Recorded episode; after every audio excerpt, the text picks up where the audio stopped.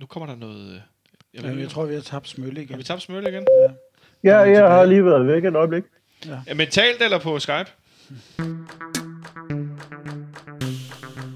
Du lytter til et podcast fra FC Københavns Fanradio. Programmet med tid til detaljerne. Når man nu kalder sig fanradio af en fodboldklub, så er der én ting, der er vigtigere end alt andet, for at man kan optage en podcast. Også selvom det ikke er radio. Og det er, at der er en fodboldklub at tale om. I det her tilfælde er det FC København. Og det FC København helst skal lave er at spille fodboldkampe. Der er vi nu ved at være igen. Der går lidt tid, men Superligaen genoptages. Det har været lang tid. Vi har kun optaget én gang i den her corona-karantæneperiode. Vi talte om en pokalfinale i 2017. Vi plaprede løs, undertegnet Christian Olsen og Nikolaj Sten Møller, også kendt som Smølle, øh, i hver vores lokale, og så lå Jonathan Jørgen på sin, øh, sin sofa på Vesterbro og optog. Siden da har vi ikke optaget, men nu, nu oprinder den store dag. Det er blevet fredag den 15. maj 2020, og FC Københavns Fanradio er for alvor tilbage. Velkommen indenfor. Jeg har hjemme i min stue i dag to gæster. Det er Henrik Monson, der sidder overfor mig. Hej Henrik. Hej, Godt at se dig. i lige måde. Vi har lige knoklet lidt med at få teknikken til at fungere. Nu virker det. Øhm, og nede på bordenden her, der sidder Jonas Christiansen. Velkommen til, Jonas. Jo, tak. Øhm, vi har siddet og kigget lidt på Henrik, der øh, har arbejdet ihærdigt for, at netop tidligere omtalte Nikolaj Sten Møller, også kendt som Smølle, er med over Skype fra... Ja, Nikolaj, velkommen til. Hvor er du henne? Jamen, jeg er i det mørke Jylland, øh, og tak skal du have. Øh, jeg er en øh, 20 km nord for Viborg hos mine øh, svigerforældre, som, øh, som kommer herfra. Ja. Det er, jeg er simpelthen i hjertet af håndboldland, så jeg kan komme med, med varme. Jeg tror faktisk, at Ulrik Vilbæk er den lokale borgmester her, hvor jeg sidder. Jeg skal lige høre, øh, har du harpex på fingrene? Øh, nej, jeg har ellers været ude og gå en tur blandt træerne. Der, øh, jeg, de, de, har ikke, de har ikke klaret smidt, med- smidt af. Jeg tror bare, at mine handsker skal skiftes ud snart. Ja, jeg, Det jeg, jeg, jeg tænker, du måske har lidt sprit på hænderne i stedet for. Nå, men nok med dårlige Det behøver man ikke herovre. Nej, okay, det behøver man ikke derovre. Fordi at, øh, det har været lang tid. Øh, Jonas, sidste gang vi optog normal øh, podcast, Yes. der var du og jeg sammen med tipsbladet Sebastian Stanbury. Rent mentalt, hvor lang tid føles det som om, det er siden, det var sportsjournalist spørgsmålet, hvordan føles det? Men, men hvis du prøver at tænke tilbage, det er nogle måneder siden, tre måneder siden cirka, men, men sådan i, inde i dit hoved, hvor lang tid føles det som om, det er siden? Det føles jo øh, som, som år siden, havde han, er lyst til at sige. Altså, den her lidt øh, mærkelige øh, tristesse og suppedags, vi var i på det tidspunkt med... Jeg nåede lige at se den der Horsens kamp, hvor vi Oj. røg ud af pokalen, og øh, vi kunne overhovedet ikke komme ud efter vinterpausen. Øh, så på den måde så var det egentlig en, en kærkommen pause, der er kommet nu, i hvert fald fra vores øh, klubsynspunkt. Øh, Ja, vi har lige en kamp nede i Tyrkiet, ikke? som sådan lige... er det rigtigt? Ja. Vi spiller også lidt i Tyrkiet. Ja. Ja. Altså, vi taber hjemme til Horsens i en redderlig forestilling. Ja. Efter vi røg ud til i pokalen. Um, efter vi har slået OB i Superligaen. Og så taber vi i Istanbul en kamp, hvor at, det var sådan en underlig fodboldkamp, og vi har sådan, sådan et mod et mærkeligt hold.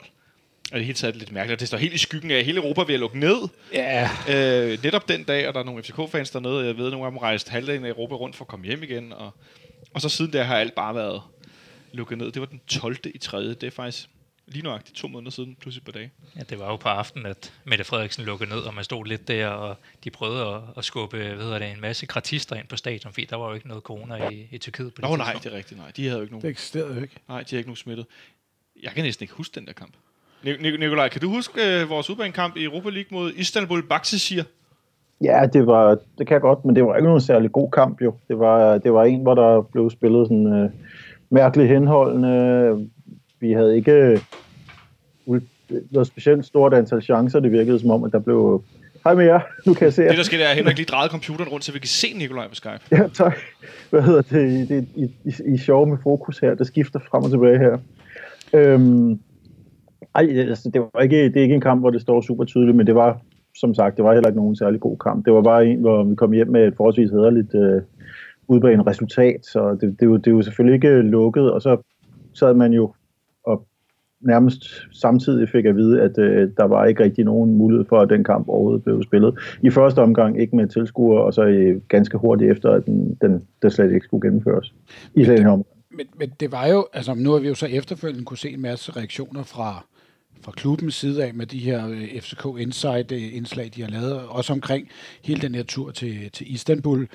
Øh, der er jo meget af det, hvor, hvor spillerne sidder og fortæller om, at det var en meget absurd situation, de sad i, fordi de sad nede i Tyrkiet og fik at vide, at øh, Danmark var ved at lukke ned, og de vidste, at de skulle spille en fodboldkamp inden for de næste 24 timer. Altså, jeg, jeg ved da ikke, hvordan jeg udenbart ville have at sidde i øh, helt absurd øh, at vide, at jeg skulle spille en fodboldkamp, fordi det, det siger UEFA, jeg skal. Selvom jeg ikke har lyst. Altså, det, jeg synes, det er, det er helt grotesk, den kamp der blev spillet. Men det er vel også lidt, hvis vi bare skal springe en lille smule væk fra FC København og fra Superligaen, så er det vel også det, det, det vi lidt hører nu rundt omkring fra nogle steder, hvor at, at, at, at at antallet af smittede og hvad skal man sige, belastning af samfundet har været større end i Danmark. At vi hører fodboldspillere fra nogle steder, øh, som siger, altså de har ikke lyst til at spille fodbold. Øh, altså at, at, at man er lidt under pres for at skulle begynde at spille, men egentlig har det okay med det. Jo, det er, altså fodbolden er jo blevet et politisk instrument. Altså at, at komme i gang med det hurtigst muligt, det så vi jo også bare herhjemme, altså hvor det begyndte at blive i talsat meget tydeligt, at Superligaen skulle starte for, for folks mentale sundhed. Ja. Og det bruger man jo også især i de større lande, hvor netop der har været spillere ude. Altså var det en Danny Rose, der siger, at de er jo bange for at spille. Ja. Altså, hvis de kommer til at øh, smitte mormor, det kan vi jo alle sammen være ude for. Men øh, Nikolaj, udtrykket for, hvor, for, øh, for det mentale helbred er det vigtigt, at fodbolden kommer i gang igen. Kan du genkende til det? Altså, jeg, jeg, kan se, jeg synes, at man kan se det fra to sider. Øhm, hvis vi kigger på Superligaen, så er det vel en, femte, en 5-10 procent af befolkningen, der, der øh, selv, altså formentlig færre end det, der følger ligaen øh, hardcore, og øh, som i det hele taget er interesseret i den, hvis man kigger på, på de øh, stadig skrumpende seertal. Så, så jeg tror måske, at den er, det, det er en overdrivelse af det. Men til gengæld så er der jo også den overvejelse i det, at det er en industri, og øh, hvis man kan få en industri i gang, som har forholdsvis altså, som, som, øh, som har et, øh, et overskud til at kunne gennemføre den slags ting, så man kan, kan lave nogle protokoller, så det kan komme til at fungere fornuftigt, så er der jo ikke nogen grund til nu ikke at, øh, at se, om man, kan, om man kan få det til at fungere igen, fordi det er jo en presset økonomisk situation, der er lige nu, og det er det for, for flere andre industrier også, som, som man lige så godt kan sidestille med, med fodbolden. Jeg kan så til gengæld også godt forstå, hvis øh, der er forskel på, hvordan spillerne reagerer i de forskellige lande. Altså, øh, vi har ikke hørt så meget fra Tyskland om, at der er nervøsitet, og det er fordi tyskerne ser ud som om, de har godt styr på det her. Ja. Øhm, så jeg var engelsk fodboldspiller med den engelske, øhm, den måde, de har håndteret hele problematikken på i England de, de seneste to måneder her, så ville jeg være en del mere nervøs, end jeg var i Tysk, hvis jeg var i Tyskland eller Danmark i hvert fald. Og hvis jeg for eksempel var Serie A-spiller, der jeg tror, hvis vi så snakker om den mentale sundhed, så synes jeg, der har været ganske klare signaler om, at øh, italienerne synes, det nærmest ville være upassende at begynde at spille fodbold på nuværende tidspunkt, fordi der har været så meget andet at, at tænke over de sidste tre måneder. Ja, plus at øh, vi har set øh, øh fodboldspillere i Italien som Paolo Dybala, som har været testet positiv for corona tre gange i løbet af den sidste, de sidste to måneder. Det er ret voldsomt. Henrik? Jamen, der er jo også et eller andet sted et pres. Altså, nu var der jo i, i vores kamp i Istanbul, var der jo pres for UEFA om, at den her kamp spiller, og igen kommer der jo et, på nuværende tidspunkt også et pres for, for UEFA om, om på de øh, hvad hedder, ligaer, som har, har overvejet at, at, at annullere deres, deres sæson, så man, man så jo, at, belgierne gjorde det, franskmændene begyndte også på det, hvor efter UEFA så kommer ind og siger, hey, det kan I godt glemme alt om, så får I sgu ikke lov til at deltage i Europa øh, League eller Champions League næste år. Så der er også et pres fra UEFA's side af om at, at, at få ligaerne i gang igen. Ikke? Men lad os endelig tale lidt om, øh, om presset. Øh, fordi jeg sidder her med det kommende kampprogram, og jeg synes, det er et godt sted at starte vores snak, øh, sådan for alvor. Øh, at vi jo i første omgang fik at vide, okay, 1. juni, anden pinsedag, den mandag kl. 18, der spiller vi i Lønby. Der genoptager vi ligesom, hvad skal vi sige, grundspillet i Superligaen, ja. hvor der mangler to runder. Og så spiller vi så den 7. juni, øh, om søndagen kl. 17, hjemme mod Randers. Og så har de øh, her, hvad hedder det, øh, i går øh, aftes offentliggjort resten af spilleprogrammet for slutspillet. Og det er jo et spilleprogram, som jeg tænker, det ligner lidt noget, vi normalt oplever som fodboldklub i juli og august. Altså sådan et opstarts Europa-kvalifikationsprogram af en art. Der bliver sat med smæk for skillingen. Øh, hvis vi skal nå både at se alle kampene, se fodbold, der bliver genoptaget rundt i Europa, og optage podcast, som vi plejer at gøre to gange om ugen, så tror jeg i hvert fald, at vi bliver svedt nogle af os. Fordi vi er ude i Øh, søndag den 14. juni, onsdag den 17., søndag den 21., søndag den 28., så er det søndag den 5., søndag den 8., søndag den 12., søndag den 19., er det onsdag den 8. skal lige siges. Søndag den 19., og så den 22. og 26. Der er, der er godt med spæk på, men det skal vi vel være gearet til. Ja, det er, jo, det er jo 10 kampe på, hvad bliver det, lidt under halvanden måned. Øh, det, det er vi jo, vi er jo vant til at se. Det bliver jo sjovt at se, hvordan resten af ligaen øh, klarer sådan et program.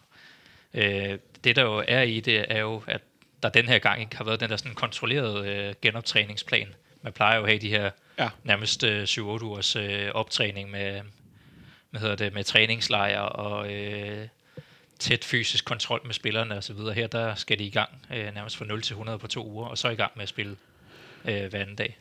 Hvad siger du til det, Nikolaj? Det ligner en masse overbelastningsskader, ikke?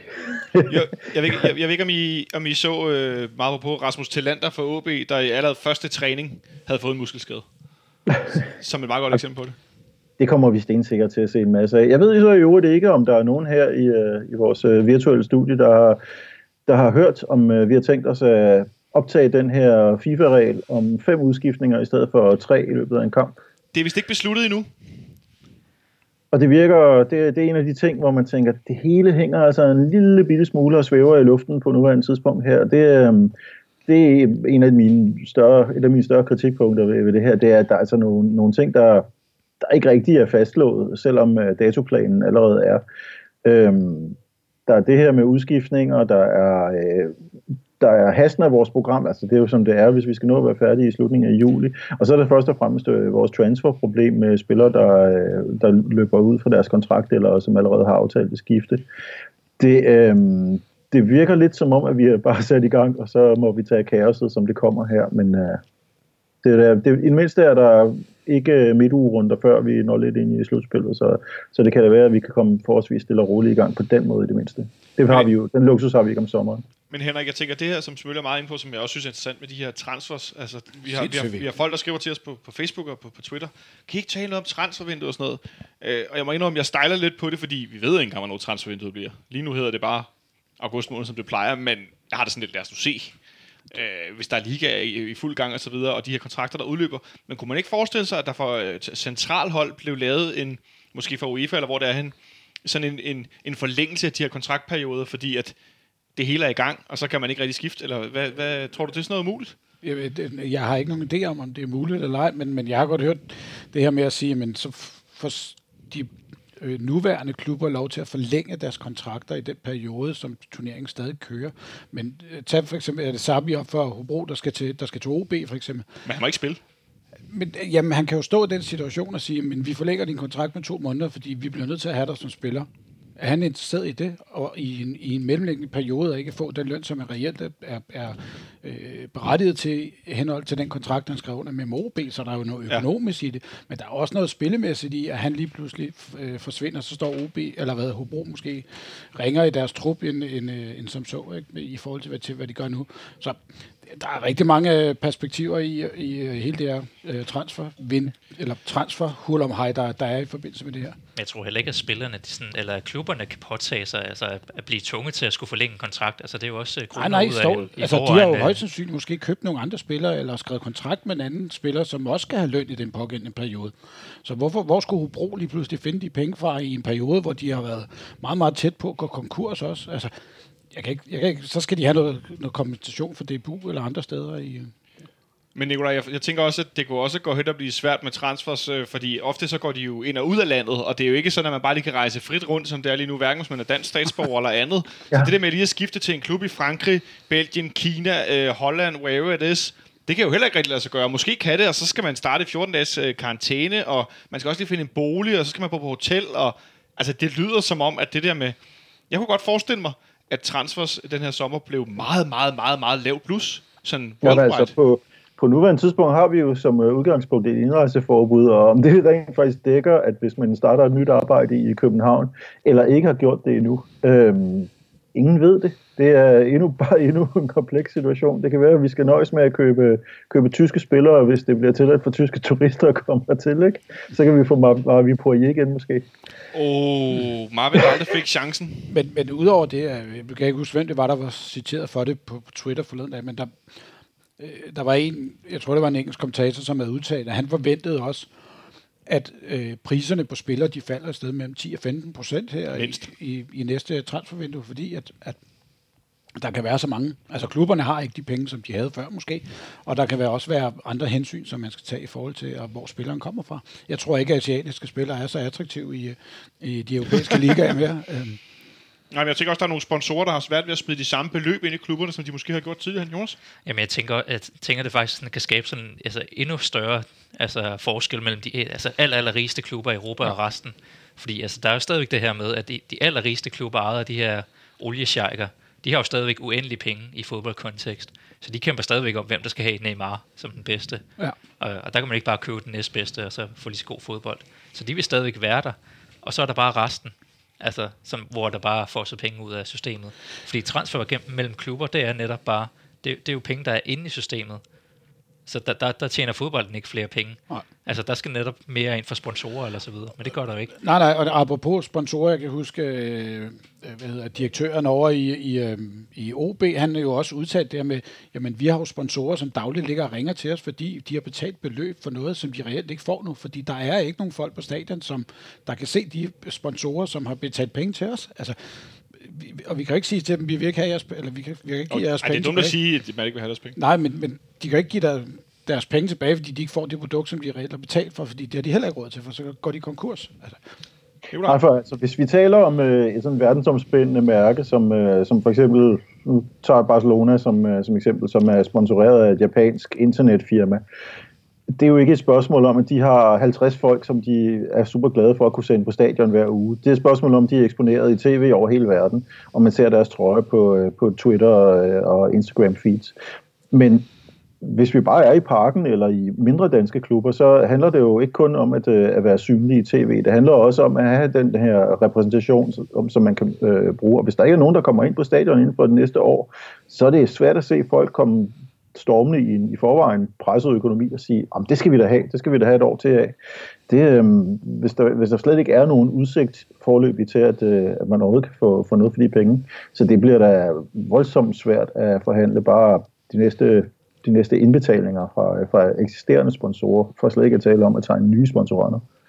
Så øh, kunne man måske forestille sig en fodboldverden, en fodboldbranche, der i den kommende periode, øh, måske er der blevet via coronavirusens øh, udbredelse i verden, og det her, øh, hvad skal man kalde det, alt det her karantæne, der har været, at den her boble økonomisk, der har blevet større og større og større over de sidste 10, 15, 20 år, den måske forstå, har forstukket nål i sig nu, at man bliver nødt til at bremse øh, lidt op i forhold til forbruget og i forhold til beløbene, som vi er begyndt at se.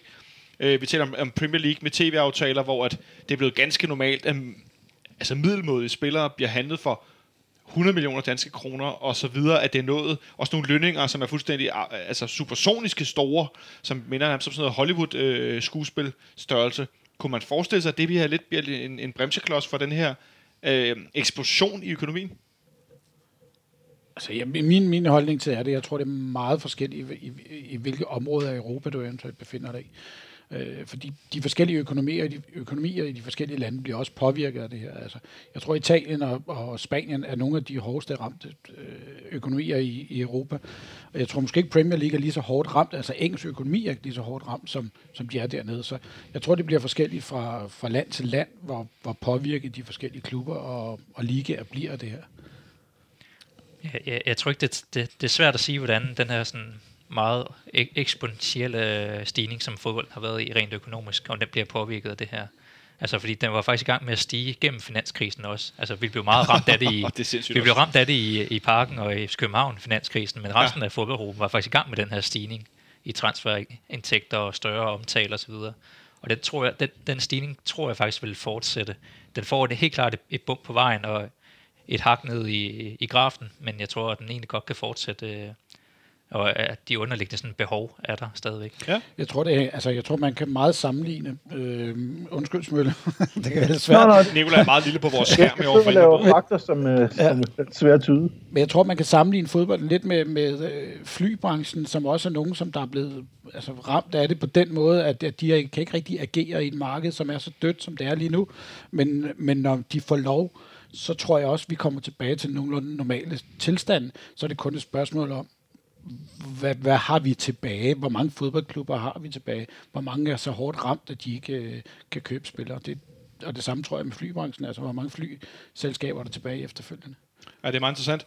Øhm, vi nåede jo at hente nogle spillere til os i vinterpausen. Vi hentede blandt andet Mikkel Kaufmann, øh, som først skulle være kommet her til sommer. Det var nok meget godt, at vi fik ham ind. Man kan sige, det var ærgerligt, at vi fik på, det var både på godt og dårligt, at Piotr Soterio, han røg videre. Jeg har set nogle fine videoer på, øh, på Instagram, hvor han løber i et stort indendørslokale i Kazakhstan med gulvtæppe, og har noget sat op på gulvet, laver nogle træningsøvelser og dribler en bold frem og tilbage. Det ser spøjst ud. Øhm, men vi er jo så omvendt, har vi fået tid til at få nogle spillere i form. Øh, siden sidst. Jonas Vind ligner en mand, der er ved at være meget klar, Jonas. Ja, det er Der var helt... to gange Jonas, du ville. Ja, tak. Det, det, det er meget rart at se ham tilbage på træningsbanen, og de siger jo, at han, han klarer det godt, så det virker som om, han er i fuld vi gør igen. Ja, og så har vi lige set øh, Nikolaj Bøjlesen sige, at øh, han er altså ikke helt, øh, han, han er ikke helt på toppen. Øh, han regner med at gøre comeback. Måske til næste sæson, Henrik? Ja. Hvornår, hvornår er det? hvornår, hvornår den så end starter. Ja, det er jo det. Ja, det er det, det. Men, men ja, det er jo heller ikke der, vi så nu lige apropos står og mangler en. Der vil jeg hellere have, have Jonas Vind tilbage, kan jeg sige. Det, det, det er nok min nærmere deroppe foran, vi mangler nogle spillere, når nu øh, vi ved, at en døje også er ude i øh, det næste stykke, eller er langt stykke tid. Så Ja, for det er jo den næste, der en døje blev opereret i knæet. Nikolaj, hvad siger du til det? at øh, det er tvivlsomt, om vi får ham at se igen, og det er meget vemodigt. Øhm, men jeg håber det er det. det. Det, det kunne da have været en af grundene til, at vi skulle have ventet lidt med spillet.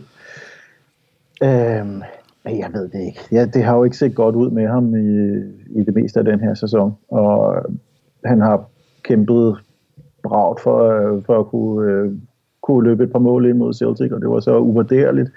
Men, øhm, men udover det, så, så virker det jo... Altså, vi har jo allerede købt hans afløser, så at sige, hvis, øh, hvis man skal gå efter Kaufmann-strategien. Ja.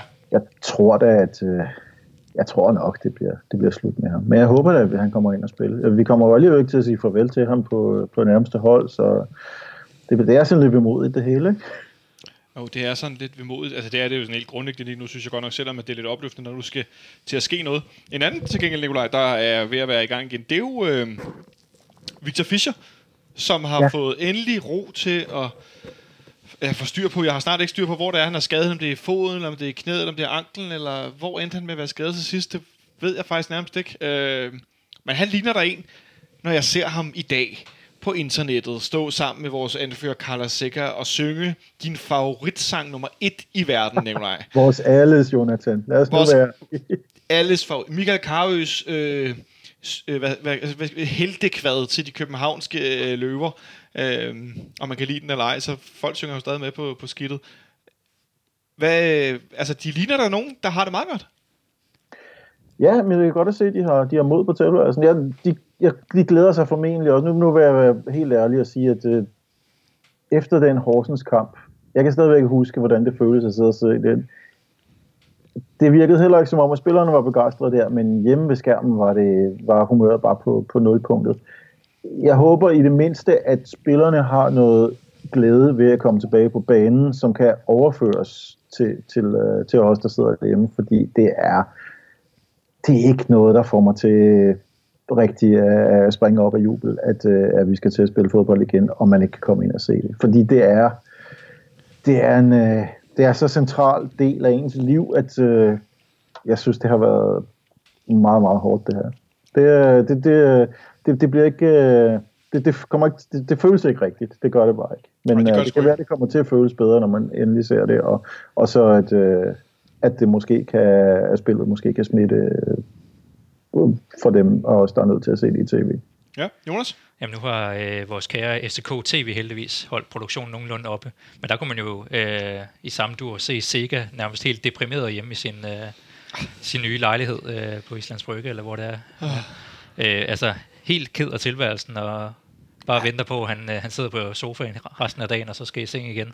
er også en ekstra smule ramt af at have sine børn og kone Ja, ja, ja. ja. i Portugal, ikke? Ja. Og de kan, ikke- den mindste kan ikke rigtig forstå, at han er væk, og så videre, og høre det der hele dagen. Og i øvrigt sjovt, at eller jeg lagde mærke til, at hans yndlingsmorgenmad, det var, øh, det var vafler med en, en ordentlig gang Nutella. Det kunne han så ikke få. Så han, han, han har taget en kæmpe bagel i stedet for med en klat smør. Jeg ved ikke, om han, han var løbet tør for Nutella. Den er, det er jo sådan en velkendt historie. Han, øh, han elsker Nutella, som vi andre elsker fodbold, var lige ved at sige. Det gør han jo nok også. Men han er helt, helt, helt vild med Nutella, ikke? Øh, som jo primært består af sukker. Øh, en stor inspiration til de små børn, hvor man bliver en af Superligans bedste spillere. hvilket forbillede. Øh, men jeg synes, vi bliver nødt til at kigge lidt on the upside. Nu snakker vi om kampprogrammet før, og vi nærmer os jo der fra dags dato med, øh, om, om 14, om øh, to uger bliver spillet, bliver spillet fodbold igen. Allerede her i weekenden, der kommer, kan man, hvis man er både UC eller, excuse me, Viaplay kunde, så kan man øh, se øh, tysk fodbold. Der vil blandt andet være det nok mest stille rordarby nogensinde mellem øh, Schalke og Dortmund uden tilskuer. Det, øh, jeg gætter på, det mister lidt intensitet. Ja, jeg har ikke set, at de skulle lave sådan en AGF-løsning med, med skærme og så videre. Nej, den synes jeg godt lige, vi kan vente et øjeblik. Øh, Henrik, du, er du kigger på Nikolaj, der sidder og rocker underligt et, et eller andet sted i Jylland med, med et headset. Altså, jeg kan godt forstå, at man prøver at gøre noget for at gøre det her, øh, helt ærligt, det her produkt mere spændende. Men skærme på stadion med sådan indsendte hilsner og gifs og... Altså, det skri- for det første, så skriger det på sabotage. Det skriger på uh, chat roulette, ikke? Hvis der er nogen, der ud i det. Det Det skriger på at der er nogen, der kommer til at tage deres, øh, tage deres øh, øh, grøntsager frem på et tidspunkt fra skuffen. Øhm, men hvordan man vil undgå det, det ved jeg ikke. Jeg går ud fra, at der skal være noget forsinkelse på signalet fra, øh, fra, fra fansen, sådan, så man kan sortere de værste katastrofer fra. Så samtidig for eksempel en, der, der måtte have købt en, en, en såkaldt billet til det, og så bare sidder og viser hans mål på loop. Det, det skal de være velkommen til for mig. Men det kommer de nok ikke til. Og desuden er der jo forsinkelse den anden vej, hvilket kommer til at gøre det, at det, det kommer jo aldrig nogensinde til at virke nogenlunde, nogenlunde øh, sammenhængende. Der kommer, til at sidde, der kommer til at være nogle klip af nogle billeder af folk, der sidder og, og jubler over et hjørnespark et minut efter, at det er blevet taget. Fordi det er på Discovery, at øh, det hele skal foregå. Discovery, der jo har blameret sig ved at trække sig fra UC, og så øh, insisterer på, at man skal sidde med deres D-player og Eurosport-player i stedet for, som har en mega forsinkelse. Det bliver surrealistisk. Jeg skal selvfølgelig se, hvordan det kommer til at se ud, men, men hold nu op. Og så i det hele taget, så altså jeg ved, at det, det, det, det lyder som en sur gammel mand, men, men som udgangspunkt, så synes jeg ikke, at man skal begynde at lave for mange idéer til, hvordan fodbold kommer til at fungere, når der ikke er fans til stede, fordi på et eller andet tidspunkt, så er der nogen, der kommer til at sige, at det kører jo fint. Jamen, hvad, hvad skal vi overhovedet have alle de der larmende øh, tilskuere til for? Vi kan, vi kan lave det med et eller andet fint uh, virtuelt tapet i stedet for. Det kan jeg godt svare dig på. At, hvorfor det aldrig kommer til at ske, fordi vi lægger penge i kassen. Og de skal have vores penge. Det er jo derfor, de er så presset nogle af dem nu. Vi, vi bruger ikke nogen penge, hvis vi ikke er der. Og de vil jo gerne have, at vi køber alle de der øh, halvkolde pølsebrød og øh, flade fadøl og øh, skæve kasketter, og jeg ved satme ikke hvad. Jeg kan se, at du ikke har nogen... Altså nu er billedet lidt skævt. Jeg kan se, at du ikke har en hat på, men jeg er sikker på, at du vil have en hat på, hvis du var i parken. Jeg ved, du vil have en hat på. Ej, det ved du nok ikke. Det er sandt nok, der er jo selvfølgelig, øh, der er selvfølgelig salg på dagen, men lad os så også sige, at øh, det er jo ikke, det er jo ikke ligefrem øh, divisionsforeninger, og dermed klubberne selv, som altid virker allermest interesseret i at få, øh, få fans på, på stadion. Det kan man se ud fra de tidspunkter, de... Øh, Jo, Der røg internetforbindelsen i Jylland, tror jeg. jeg tror, at internettet i hele Jylland Ja. rækker den op. Prøver, ja, jeg tror, den prøver at genskabe opkald. Men, men øh, det, det er jo fuldstændig... øh, Nikolaj, så snakker- øh, let Hov. tilgængelig Hov, som hov, muligt Nikolaj, Nikolaj, Nikolaj, stop, stop. Du var lige gået ud i 20 sekunder. Nå, for pokker. Ja, det er det, der sker. Men, men så, kan vi, så i stedet for, så, så siger jeg noget andet. Øh, fordi at, øh, jeg synes også, det er ret interessant, men hvad nu, hvis det så var det her drive-in-fodbold? Var det noget, du ville gøre dig i? Jeg har ikke en bil, så jeg ved ikke, om jeg skulle, jeg ved ikke, om jeg skulle sidde på min cykel foran, øh, foran øh, på parkeringspladsen øh, ved parken. Med høretelefoner på? Det tror jeg ikke, med, det tror jeg ikke man må. Hvad med dig, Henrik? Du har bil. Kunne du finde på at tage... Nej, Du kunne ikke finde på at køre... Jamen, den er lige så dum, som den, de vil i, i, øh, i AGF. Altså, det kommer til at være fuldstændig det samme, det her med, at der kommer til at være øh, 20-30 sekunders øh, forsinkelse på dem, der sidder ude foran, og som vil sidde og dytte 30 sekunder efter, der er scoret. Altså, det, det, det, det giver ikke mening. Se, nu bliver det sjovt. Det her var slet ikke godt for mig. Så, så det, der sker, er, når de... Hvem er det, Midtjylland skal spille mod? Det kan jeg ikke engang huske. Ej, jeg Så de skal spille på hjemmebane mod nogen, hvor der så kommer til at holde 500 biler eller mange der er ude foran. Og så når man øh, inde på stadion, når de, er, går, når de er færdige og bliver juble måske, eller spillet er for gået videre, så kan man høre, der dytter en masse biler ud foran. Ja. Ah, nu bliver det sgu akavet. Jonas, ja. hvad siger du til det? Jamen, nu, nu er jeg jo sådan en rigtig øh, københavner inde i byen, så jeg har, jeg har jo ikke en bil lige nu. Så skal jeg sidde med, med ringklokken ude foran. på synes jeg kunne være fedt. Ja, det kunne man også godt. Ja. Ja, øh, men det er jo verdensnyheder, det her. Det tror jeg også er et meget godt billede på, hvor lidt der sker i fodboldverdenen. Når de her to scenarier bliver sådan nogle historier, der går altså verden rundt og bliver oversat til enormt mange sprog, så foregår der altså ikke meget i, øh, i fodboldverdenen. Er der, jeg skal lige høre rundt om bordet. Ja, nu siger jeg bordet, Nicolaj, du er her også. Er der nogen, der har fået set noget færøsk fodbold? Nej. Heller ikke for Hvide Rusland, eller hvor der ellers er. Nej, der var noget ved noget hviderussisk liga også. Nej, øh, Nej, der var også noget K-League, men det blev heller ikke til noget, det må jeg indrømme. Men det er jo egentlig meget interessant, at vi sådan over en bred kamp ikke ser det fodbold, der så har været. Og jeg har sådan lidt øh, filosoferet over det, og lidt noget frem til, at altså jeg ser jo heller ikke anden divisionsfodbold, fordi det bliver vist i tv. Jeg vil jo gerne se det fodbold, jeg godt kan lide at se. Det er jo ikke, fordi jeg bare vil se fodbold for enhver pris. Så kunne jeg bare gå ned i en park og se nogle børn spille. Men det er jo sjovt, fordi for, hun kan ikke huske, hvor mange år siden der, der havde vi jo den her fodboldstrække i Danmark. Øh, der kan jeg da huske, at vi var nogen, der tog til, til Malmø og så, så svensk fodbold, fordi vi ville gerne se fodbold. Så tog vi en mandag aften.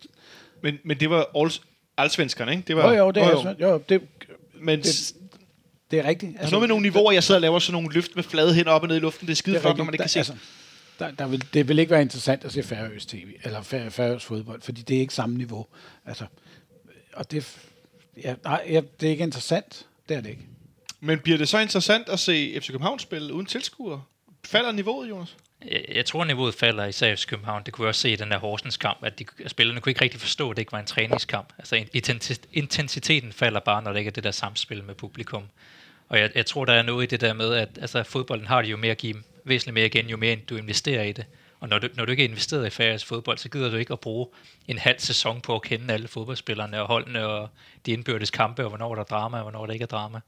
Men Så mindre du her i coronatiderne har spillet så meget footballmanager, at du øh, er noget til den færøske liga. De satte Ja. gang på gang øh, rekord i fodboldmanager i, hvor mange aktive øh, brugere der var på, på, på samme tid i spillet.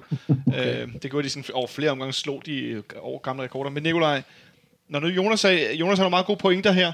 Øh, AGF sportsdirektør Jakob Nielsen, han har været i diskussion med den, den, den, den, øh, den, den samme position i, i Hobro. At han mener jo, synes jeg, Jakob Nielsen fra AGF, at det klart kan være en fordel for et hold som Hobro, at der ikke er så mange, øh, der ikke er så mange tilskuere. De er vant til at spille med Ja. mindre intensitet.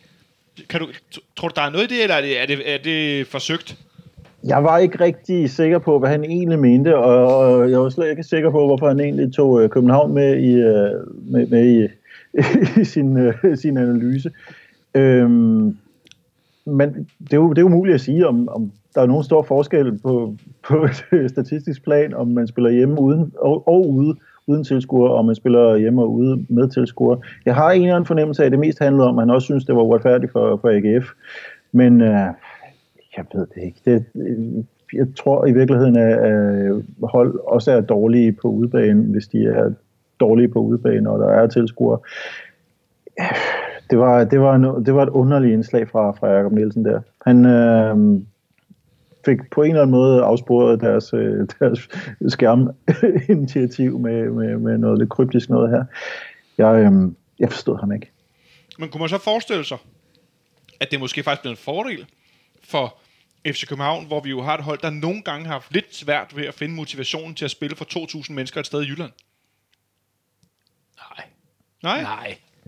Det, Det kan ikke jeg ikke se. Nej, det kan jeg ikke se. Vi, vi udskifter holdet hver anden år, så har de jo glemt det. Ja, Ja. Var, øh, altså, jeg, jeg tænker bare, nu, jeg, nu var jeg i Hobro i efteråret, og Sten Grydebus troede, at han var Morten Olsen og legede sweeper, og de glemte at dække op, og jeg ved fandme ikke hvad. Altså, hvis vi spiller en, øh, nu en 10, 10, 12, 14 kamp et eller andet, med få tilskuere, om ikke man så vender sig lidt mere til det, og så kunne man godt finde tændingen, når det, når det galt. Eller hvad, Nicolaj? Er det forsøgt? Mås- ja, måske er det forsøgt. Nej, fordi jeg, jeg vil da sige, at øh, samtidig virker det som om, at øh, netop de få tilskuere er det, der distraherer vores spillere, og de rent faktisk vågner, hvis der er en del til stede, hvis vi for eksempel kigger på Celtic Pass sidst i forhold til øh, Hobro i efteråret. Det er det, jeg tænker.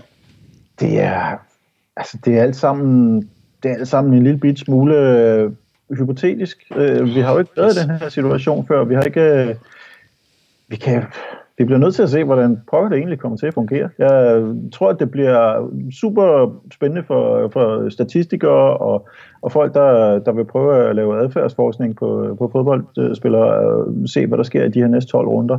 Og så især de her knockout-kampe, og så ikke mindst i øvrigt øh, den der pokalfinale, som af en eller anden grund er blevet øh, planlagt til at skulle ligge midt inde i det hele, som øh, så også skal spilles for, for Tom Esbjerg Stadion. Jeg bliver nødt til, nu du nævner pokalfinalen, Nikolaj, så bliver jeg nødt til lige at læse op, for da det blev offentliggjort, at pokalfinalen skal spilles i Esbjerg. Det blev offentliggjort i går. Der er det her fantastiske citat for den her nyhed omkring pokalfinalen, som jeg nu vil finde her. Det lyder som følger. I år ligger Blue Water Arena Arena i Esbjerg græs til pokalfinalen. Normalt vil turneringen ellers blive afviklet i Danmarks Nationalregler Parken, men i år får de jyske fans altså glæde af en lidt kortere tur. What? Okay. Så den der med, at det skulle have været ikke kunne spilles i parken på grund af EM, får man så nu lige pludselig formøblet om til, at det er en fordel for de jyske fans. Det er fordi, det er fire jyske hold af semifinalerne, men de må ikke komme derhen. Nej, det er så den anden side af sagen. Det er fedt. Det lyder som om, det er en præskrevet pressemeddelelse, der ikke lige er nogen, der har læst igennem. Nicolai, nu når du har arbejdet med sådan noget, hvad siger du til det? Jeg siger, at man skal læse korrektur. Og så, jeg synes og det er så jo- bagefter skal man læse Jeg synes, det er tåbeligt. Altså, vi har, vi har set på Spanien, hvordan øh, nu hvor der bliver et baskisk lokalopgør i den spanske pokalfinale, at de har bedt om at henvende sig til UEFA om at få flyttet den finale så sent som overhovedet muligt. Altså simpelthen holde, holde den i live så længe som overhovedet muligt, sådan, ja. så de kan få det til at være en folkefest. Her der skal det lige pludselig afvikles. Ikke bare, ikke bare øh, øh, som afrunding på øh, den her sæson, der, der skal spilles løbet af sommeren, men midt i den, 1. juli, øh, mens vi er halvvejs i slutspillet. Det giver mig ikke nogen mening, at man ikke har prøvet at bare køre videre og se, om man kan på en eller anden måde prøve at få den, få den øh, gennemført samtidig med, at øh, for eksempel, at vi skal spille den her, øh, det her hængeparti fra, fra Europa League. Men, men kommer vi ikke igen tilbage til noget omkring det her med kontrakter og, og, og spillertransfer og sådan noget? Fordi altså, hvis nu man så sagde alternativt på, at vi udskyder den indtil, at den nye sæson den starter, så ved vi, at så kan den spille den, ligesom den, man spillede Supercup i sin tid, inden sæsonen startede. Men der kan jo være spillere væk som, fra, fra de pågældende Jo, hold. Som, jo, jo, det er rigtigt nok. Det er rigtigt nok. Om vi der kommer også på et eller andet tidspunkt, at man, bliver nok, man nok bliver nødt til at opgive, og det samme sker formentlig i, øh, i Spanien. Men, og så spiller de måske en playoff-kamp i stedet for på, øh, på tom bane, og venter med at få afgjort den her... Øh, altså en playoff-kamp, der i virkeligheden gælder det samme som pokalen. Og så venter de med at spille pokalfinalen, til de kan komme til at gøre det med publikum. Men ja, jeg forstår ikke, at man ikke holder fast ved det, fordi en, en pokalfinale uden tilskuere, det, det er en fesen fornemmelse, ikke? Og det er endnu værre end en, øh, en endnu, Superliga-kamp. et endnu mere end sådan. Ja. Helt klart. Ja. Nå, øh, til gengæld er der jo andre, der har været på stadion, for at springe lidt i det, øh, fordi der på parken har været en ordentlig øh, omgang skoleelever inde og bruge lokalerne. De stod i fine rækker ude på den her øh, løbebane mellem øh, A-tribunen og Østerbro stadion, og fik så lov at blandt andet have undervisning op i lounge-lokalet og så videre. Der findes en rigtig fin video. Den har I formodentlig set alle sammen, fordi der ikke sker en skid andet. Ja, Henrik, du ryster, ryster det på hovedet. Nå, der er en fin video med nogle skolebørn, der er meget benovet over, at de får lov at komme ind og få undervisning i, øh, i, i parkens lokaler. Øh, jeg sad og ventede på, at der var en dreng i en gul trøje, bare fordi det var der sikkert nogen, der godt kunne finde på, men det var der faktisk ikke. Øh, men det synes jeg var rigtig fint, at man på den måde kunne... Øh, ja, det gør, jeg- altså en ting er, at det er en sjov gimmick, noget andet også, at de der børn synes sikkert, det er sjovt, men også sådan helt reelt sige, de her lokaler skal der bruges på noget. Ja, selvfølgelig. I stedet for, at det bare står tomt. Lige så vel som man har brugt, øh, øh, så vidt jeg husker, KB-hallens øh, tennisbaner, og man har brugt øh, Tivoli og mange andre steder i København til at, til at få nogle, nogle børn ind. Altså jeg ved det selv, øh, nu bor jeg jo så i Nordsjælland, med hvordan at der på nuværende tidspunkt nu her, når, når de store klasser også skal starte i skole, de bliver nødt til at gøre det, at øh, nogen går i skole fra 8 til 12, ja. og nogen går fra øh, 12-15 til, til 15. Altså, så der er bare det antal timer, som de skal have i henhold til, hvad der er blevet udstukket af nye regler, og så bliver man nødt til at bruge alle de lokaler, der er til rådighed. Ja. Og så er det fedt, at der er nogen, der gider at stille dem til rådighed. Ja, jeg så også, at Tivoli også havde øh, sat en masse lokaler til rådighed. Nævner du markerer? Nej, overhovedet ikke. Jeg sidder Nå, det er bare fordi, der- og piller mig ved næsen her. Måske skal jeg virkelig bare holde armene nede ved siden. Det er fordi, der er sådan noget, øh, noget, noget sol, fy for fanden, som gør, jeg, jeg tror, du sidder og vifter med, med hånd i luften. Nå, men noget mere alvorligt, der er sket siden sidst, det er i, i går. Der øh, blev delrapporten for første kvartal i 2020 offentliggjort. Og jeg vil godt have haft Michael Milhøj med på linjen, men øh, det fik vi simpelthen ikke gjort. Øh, så Jonas, du har fået dagens ære af at være en slags øh, økonomiekspert. Kan du føle øh, presset fra bordenden? Ja, jeg er i hvert fald ikke uh, Milhøj og hans Danske Bank ekspertise, men uh, jeg kan prøve at, tage lægemandens uh, blik på uh, delårsrapporten her. Vi ender jo med uh, ja, overskriften, der hedder minus 72 millioner kroner i første kvartal, hvilket jo er, jo en slat. Det må man sige. Hvor det jo, uh, hvor hvis vi skal sammenligne med sidste år, så hed den med minus 23, hvilket jo skyldes, at det, det er de første tre måneder af året, og der, der er ikke så mange, der, der er, ikke, der er ikke så mange fodboldindtægter i starten af året, og der er heller ikke så mange LaLandia-indtægter i starten af året. Nej. Så på den måde så er, der, er vi vant til at se et minus i starten af året. Jeg tror, jeg har sådan tre punkter, når jeg sådan prøver at gennemgå øh, det her, øh, det her delårsregnskab. Og jeg tror, der er mange, der, der nok øh, bekymrer sig lidt, når de læser om de her øh, mange 100 millioner i, i lån og så videre. Og, og vi, hvor, hvor mange 100 millioner taler vi om? Jamen, den, den er jo lidt delt op i, i to, øh, fordi vi har, øh, der, der er blevet lånt nogle penge i første øh, i det første kvartal her, det er omkring 170 millioner, der, der er blevet lånt. Ja. Og så skriver de jo så yderligere, efter delårsrapporten, så har de ligesom med april 2020 lånt 440 millioner kroner, hvor de 240 går til det her LaLandia i Søndervig, det tredje LaLandia-center, de vil bygge. Ja. Så i første, første kvartal, der kan man ikke rigtig se corona så meget ud af, af regnskabet. Det, der er sket, det her, de her ekstra minusmillioner, det er egentlig sådan en helt almindelig nedskrivning på, øh, på sådan ejendommen rundt omkring. Det er i forbindelse med hjemfaldspligten til 2060. Hvad betyder det? Det betyder noget med, jeg prøver at google det. Det er noget med, når man køber en ejendom, så skal man hen mod 2060 ligesom afskrive den, hen til den faktisk bliver overleveret til kommunen, som, som jeg forstår det. Så det er, det er sådan en naturlig nedskrivning af sin, sin ejendom. Så okay. den, den var kommet uanset hvad. Og hvor meget var den på? Hvor mange millioner? Den var på øh, 37,5 millioner, så det er faktisk størstedelen af de her 50 millioner, der er i forskel fra sidste år. Så det gør mig jo en smule mere rolig, kan jeg godt afsløre. Præcis. Og så er der så resten. Det er primært øh, transferaktiviteter. Øh, altså, at vi simpelthen har brugt flere penge ud end, øh, end ind på, øh, på transfers. Noget af det er, at vi, vi er egentlig sådan, vi ligger egentlig på niveau med sidste år i forhold til sådan direkte udgifter, men der er de her, øh, altså de her løbende afskrivninger på kontrakter. Altså når man køber en spiller, så afskriver man dem over et stykke tid og betaler i rater osv. Det, de er lidt større, end de var sidst, og så vil ikke tjene lige så mange penge. Så det, det er ligesom det, der man kan, man kan sige omkring det, det negative. Og så derudover så, øh, så vil sige, det her i forhold til, hvor meget lån vi så har optaget, der har vi sådan netto optaget 84 millioner ekstra i gæld. Ja. Vi har også afviklet noget af vores langsigtede gæld faktisk. Det, det har kørt helt naturligt. Og så har vi så optaget de her 170 millioner lån, så vi ender med netto 84 millioner, vi har optaget mere. Så det er altså ikke, øh, vi låner for flere milliarder, og der er et kæmpe hul i, i sengen, og vi er ved at gå konkurs, Nej, det er jo bankens altså, noget. Jeg synes, det er vigtigt, at man skal, man skal blive mærke i her, det er, at vi låner ikke til driften. Altså, vi låner til at investere i fremtiden øh, i, i, i form af i form af, af, af Prøv lige at sætte Henriks mikrofon ordentligt her. Undskyld mig. I form af, af investeringer op i, i det nye LaLandia, LaLandia 3, ja. som skal være op i Nordjylland.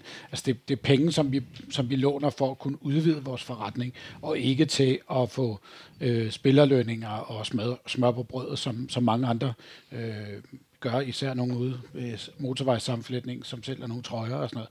Altså, så, så vores økonomi er sådan i bund og grund okay, men vi er selvfølgelig også ramt af det her, og jeg glæder mig også til at se, øh, jeg, jeg tror det er noget i nærheden af 400 sommerhus, som der er blevet solgt derop, og de blev solgt ret hurtigt, øh, så der kommer også nogle indtægter ind på det tidspunkt. Øh. Præcis. Altså jeg, jeg prøvede at dele det op i de der tre ben, der er i Parken Sport Entertainment, altså FC København, LaLandia og kontorejendommene. Kontorejendommene, de står jo så for, øh, ja, de står jo så for øh, de her nedskrivninger, så der, der er ligesom et minus øh, på 27 millioner der, minus omsætningen. FC København øh, er faktisk den store nedskrivning på nærmest næsten minus 50 millioner. Ja. Hvilket skyldes, at vi har investeret noget mere i spillertruppen, end vi plejer. Vi begynder at kunne se, at der bliver skruet op derinde, i forhold til, hvor meget penge vi bruger på, på spillere og personale i øvrigt. Og så LaLandia, de, de kommer faktisk kun ud af kvartalet med en minus på 4,5 millioner. Altså man kan næsten ikke se LaLandia i, i, i første delårsregnskab. Ej, det er vel noget, som vi først i næste kvartal, kvartalsregnskab for alvor kan se, at der ikke... Nu åbner de jo op her igen snart, men at... Nej. Jo, men bare ikke for badelandet, men de Ej, åbner for ja. en masse andre aktiviteter. Øhm, Og lad os nu se, om de ikke de åbner badelandet lidt, om lidt også. Jeg tror altså ikke, det er så langt væk, som vi måske øh, Nej, nej, men, men tror. Men, men jeg mener, at det er først i næste kvartalsregnskab, der kan vi for alvor se, okay, det her er altså stået stille. Præcis, fordi det, det her det inkluderer tre uger af, af første kvartal, at der var nedlukning, altså fra 12. marts og til 1. april. Ja. Og der er det tabt omkring 12 millioner i omsætning. Det kan du så gange op, så det er en, hvad bliver det? Ja, Meget. 60 million beløb, vi taber her Ja. mod der 1. august. Ja. Øh, men derfor så burde det jo så kunne komme i gang. Øh, og forhåbentlig med en investering i et tredje center, der kan skrue yderligere op derfra. Ja, fordi at øh, den, øh, hvad hedder det, den 8. juni skulle feriecentrene ved Rødby og Billund åbne igen, men det bliver uden, øh, det bliver uden vandlandet, badelandet. Ja. Øh, men jeg tænker fra nu af, fra dags dato, altså der er jo der er jo 14 dage frem til, til den 1. juni, så det er cirka tre uger fra den her fra i dag.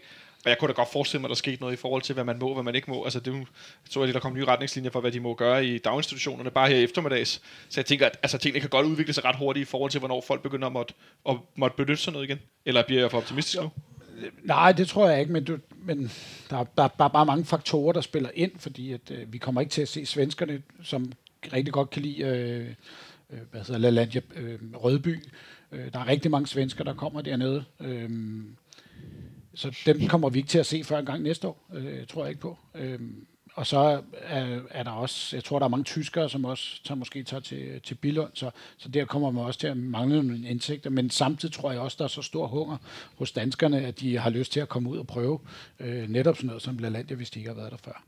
Især hvis man ikke kan komme på ferie i, øh, i udlandet lige pludselig, hvad mange jo nok skulle have været på charter i Grækenland, Tyrkiet, Italien, Spanien, Frankrig. Præcis? Og der- øh, hvad ved jeg? Og, og, og baggrunden for, eller belæggrunden for, at, man, at, øh, at Rødby er så populært hos svenskerne, kan man jo se i, at øh, der i de sidste to generalforsamlinger har været snakket om, øh, at man, man arbejder på en LaLandia 4 op omkring Stockholm, øh, som, som er rigtig interessant for at få, få gæster på det svenske øverste del af det svenske marked, kontra ikke kun at have øh, Skåne og Blikinge og Halland. Ikke?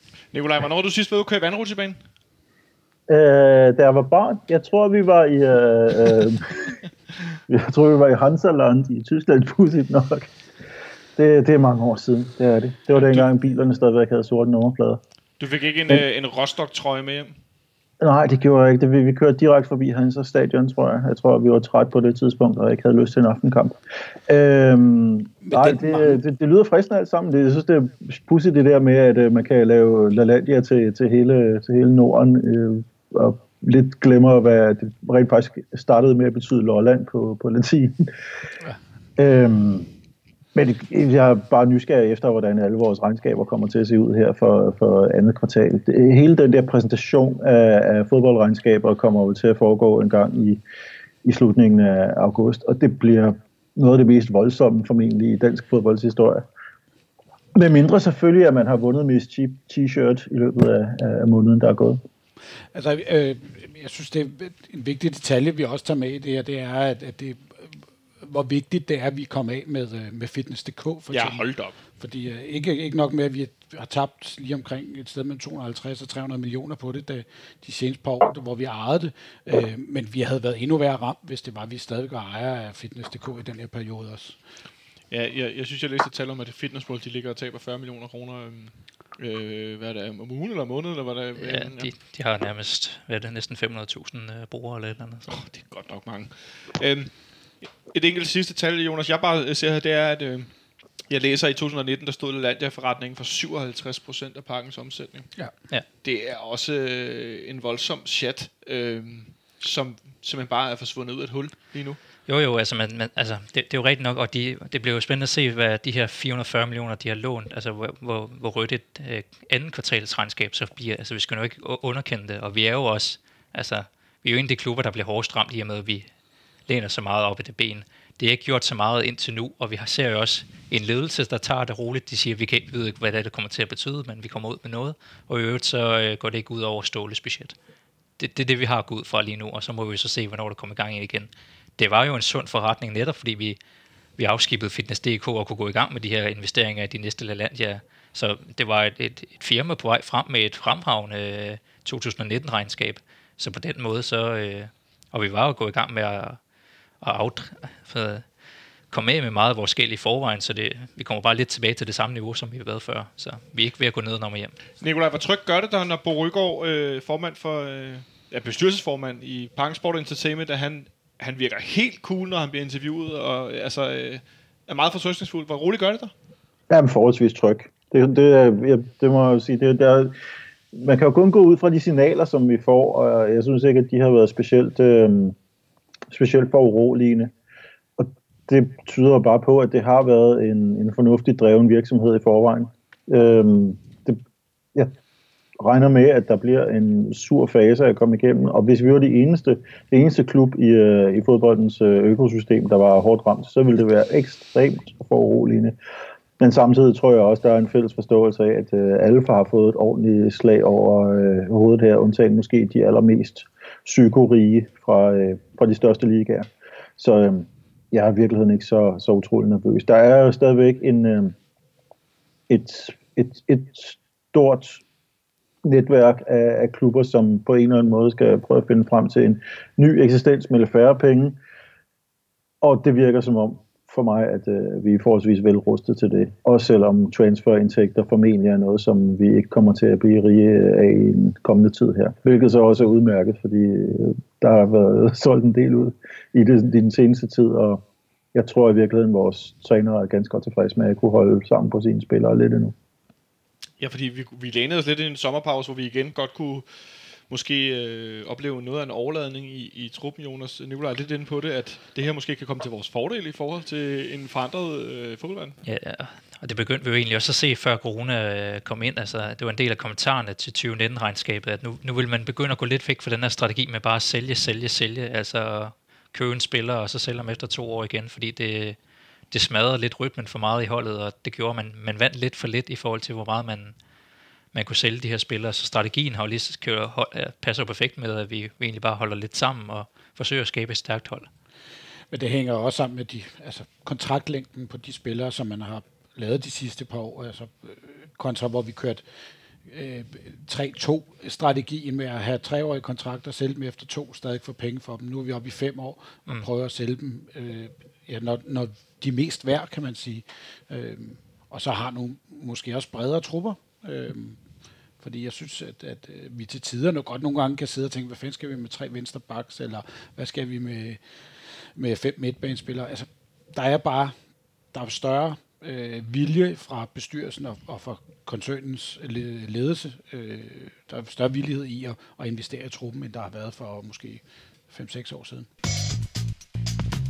Øhm, men er der noget andet, I lige sådan har på ryggraden, vi skal vinde fra ind- eller udland, fra FC København, fra andre steder? Nikolaj?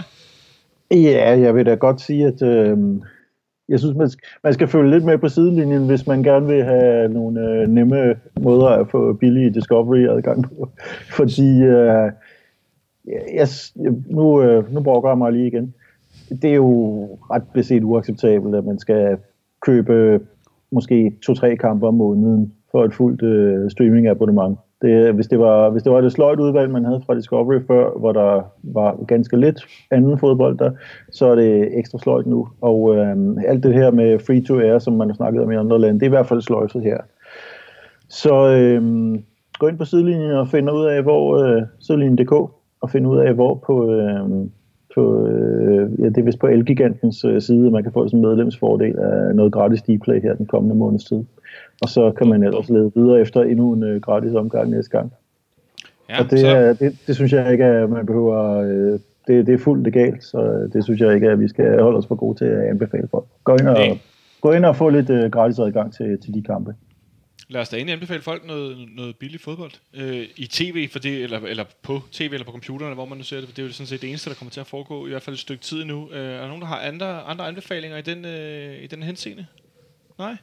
Nej, Nej. rigtigt. Altså jeg kan jo så anbefale, hvis man er Netflix-kunde, og det har ikke noget med fodbold at gøre, men så se og få set de første otte offentliggjorte afsnit af den her Michael Jordan, Chicago Bulls øh, mm. dokumentarserie. Øhm, der er sikkert mange andre, der har snakket om den andre steder. Og nej, det, du behøver ikke at være interesseret i basketball. Du behøver ikke at have været øh, voksen i 90'erne og set det.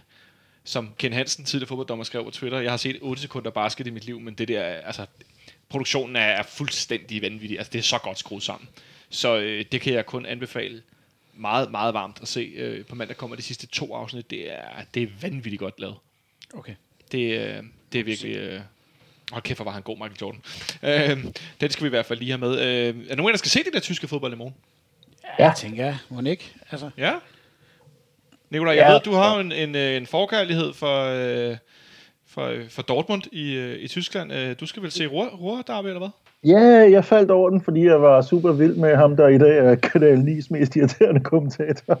Nej, Det- er det sandt? Det, Nikolaj, det har vi aldrig talt om. Nej, det har vi ikke, men han Nej, var, hvordan jo, kan det være, at vi aldrig har talt om det? Jamen, han var jo en vanvittig fed fodboldspiller. Ja, okay, du har ret. I alt for kort tid. Øh, jeg mener, han stoppede som, hvad var han, 27 eller 28, da han ballerede sit korsbånd for tredje gang. Men han var fantastisk at se på. Han piskede jo rundt. Han havde ingen taktisk sans overhovedet. Han var bare en fløj ind i alting og, og øh, holdt sig langt fra strafbakspillet. Scorede næsten ingen mål af den grund. Men han var bare en, en, en oplevelse at se på. Øh, og så var han jo øh, af neutral oprindelse, og en af de få gode danske spillere, der ikke kom fra Vestegnen også. Så øhm, han var til at holde ud op gennem 90'erne.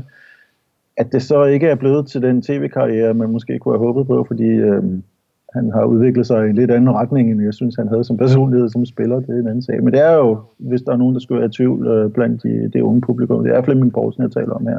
Og han var jeg kæmpe fan af. Var jeg. Han var øh, trods alt alligevel øh, 29 år, da han stoppede med at spille. Så jo, han okay. Var ung, men han var, han var ikke helt ung. Ja, men det var også, øh, det, det, det sidste var noget med, så var han ude i et år, og så kom han tilbage og spillede to kampe, og så røg knæet. ikke. Det var ikke så, det var ikke så kønt. Men han var jo super afholdt i Dortmund, der i øvrigt havde et fantastisk hold dengang med Sammer og Sorg og Møller og Reuter og Kohler og Stefan Klose. Og, ja, det var Chapuisat. Det var, det var gode sager. Jeg så en der Dortmund ude på Faxe-tribunen en gang. Der galt det om at være meget stille, da, da Mark Riber han gik på røven, og, øh, og Chapuisat han løb igennem og udlignede til 1-1. Og, Det og kan jeg, jeg godt klarede- huske. jeg klarede at holde min jubel meget diskret. Øhm, ja, jeg, jeg knyttede hånden stille og roligt, og lod være med at lægge mig ud med, med hele flokken, der stod om bagved. Vi stod på næsten forreste række. Det var iskoldt. Der fik Nikolaj lige øh, flettet ind, at han har været på Faxe-tribunen. Lå I mærke til det? den, den kan jeg også godt prale af. Eller prale og prale, det ved jeg ikke, om man skal. Men øh, det har jeg også. Det, altså, det, er- det er half-breed studie, vi har kørende lige her, både tæt på og på... Øh. Jamen, Jeg vandt to billetter i uh, VLR, Vestegnens Lokalradio. Hvorfor gjorde du det, Henrik? Jamen, det, der, de havde sådan noget sødt lørdagsquiz, tror jeg. Hvorfor hørte var. du det? Jamen, fordi jeg boede der. Jeg boede i forældre. Jeg var født og opvokset på Vestegnen i Greve. Altså, Det var en stor Øhm. kamp, der var udsolgt. Det var meget seværdigt. Og Brøndby var endda ja, skræmmende tæt på at vinde den. De spillede ganske hederligt i det første halvleg. Så blev de sunget og spillede ud af banen i anden. Det var skønt. Det lyder, øh, det lyder fuldstændig tabte selvfølgelig fortryllende. returen røv. ud. Det var øh, helt som det skulle være. Henrik, du behøver ikke fortælle, hvorfor du var på stadion. Det skal vi ikke trække det igennem det søl. Øh, jeg tror i stedet for, at jeg vil sige, i, øh, nævne, hvad vi var lidt inde på tidligere, at vi jo på tirsdag har en aftale med, øh, med vores nye øh, direktør i FC København, Lars Bo, øh, hvor at, øh, det egentlig kom så lidt i stand af, at, øh, at øh, jamen, han blev annonceret som, som, som ny øh, direktør, og, og Katja, der var øh, COO før, øh, stoppede i klubben, sådan i hvert fald rimelig bræt for os, der sådan var udenfor. Øhm, og så tænkte vi, ham skal vi da have en snak med, da det også viser sig, at, at øh, han er fodboldinteresseret. Øh, og altid har været der, kommer fra Vejle, men er meget fodboldinteresseret, og, har, og skulle faktisk øh, være kommet i parken igennem en, øh, en del år. Han har boet i udlandet også. Men ham skal vi tale med på tirsdag og høre, blandt andet, hvordan det er at komme ind i en kæmpe koncern som direktør, mens alt stort set står stille. Det må være rimelig bizart. Øh, men også om, hvad for nogle tanker, tanker han, øh, han gør sig om øh, ja, stort og småt, og hvad for nogle forventninger han gør sig til, øh, til den, øh, altså til, til den på, på kort sigt i forhold til, hvad der skal ske. Nu har vi snakket med, om, om, om regnskabet før, Jonas. Øh, hvad, hvad, hvad for nogle forventninger han gør sig. Øh, Jeg, jeg tænker, han har gjort sig nogle måske lidt anderledes, end det, det nu ender med. Men også på længere sigt, hvordan han ser øh, både FC København, men også koncernen som helhed udvikle sig. Og, ja, at, så vidt jeg forstår, han flyttede tilbage til Danmark også for ikke så længe siden og så videre. Så der er mange ting at spørge ham om.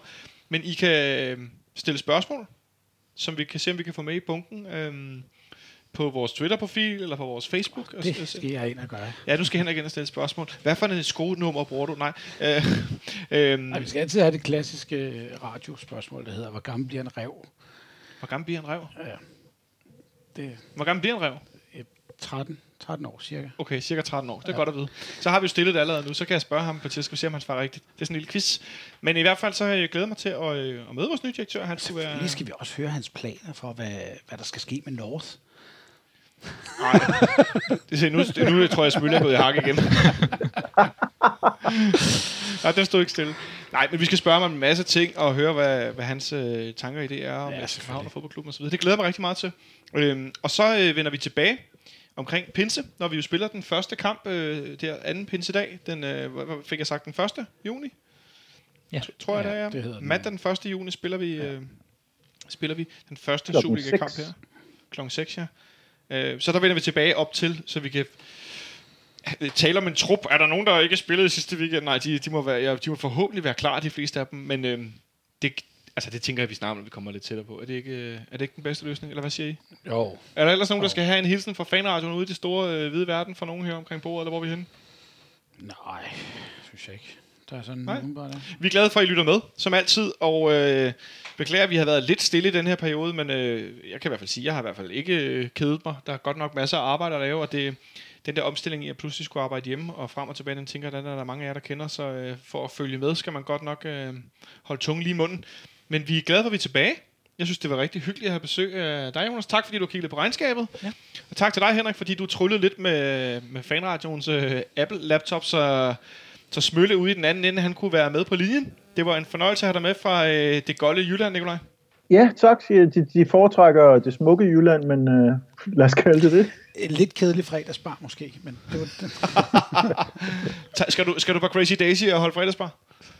Jeg tror, at Crazy Daisy herover også er lukket, selvom, øh, selvom deres smittetryk, hvis det ikke er helt lige så stort, som vi har derhjemme. Nej, det øh, tror jeg, du har ret i, at øh, det foregår lidt på en anden måde. Jeg tror og ikke engang, gi- der er en Chaplin i Møldrup. Jeg, der, er ikke, noget, der er ikke noget at komme efter. Det var godt nok De lokale unge plejer at stå ude på Himmelandstien og drikke øh, bajer i stedet for. en sætning, jeg aldrig skulle troede, jeg skulle høre. Jeg tror ikke, der er Chaplin i Møldrup. And on that note, så tror jeg bare, jeg vil sige uh, tak til jer derude, fordi I lyttede med. Vi vender som sagt tilbage i, uh, i næste uge, når vi har snakket med vores nye uh, direktør i FC København. Uh, ha' det godt så længe derude. Vi lyttes ved.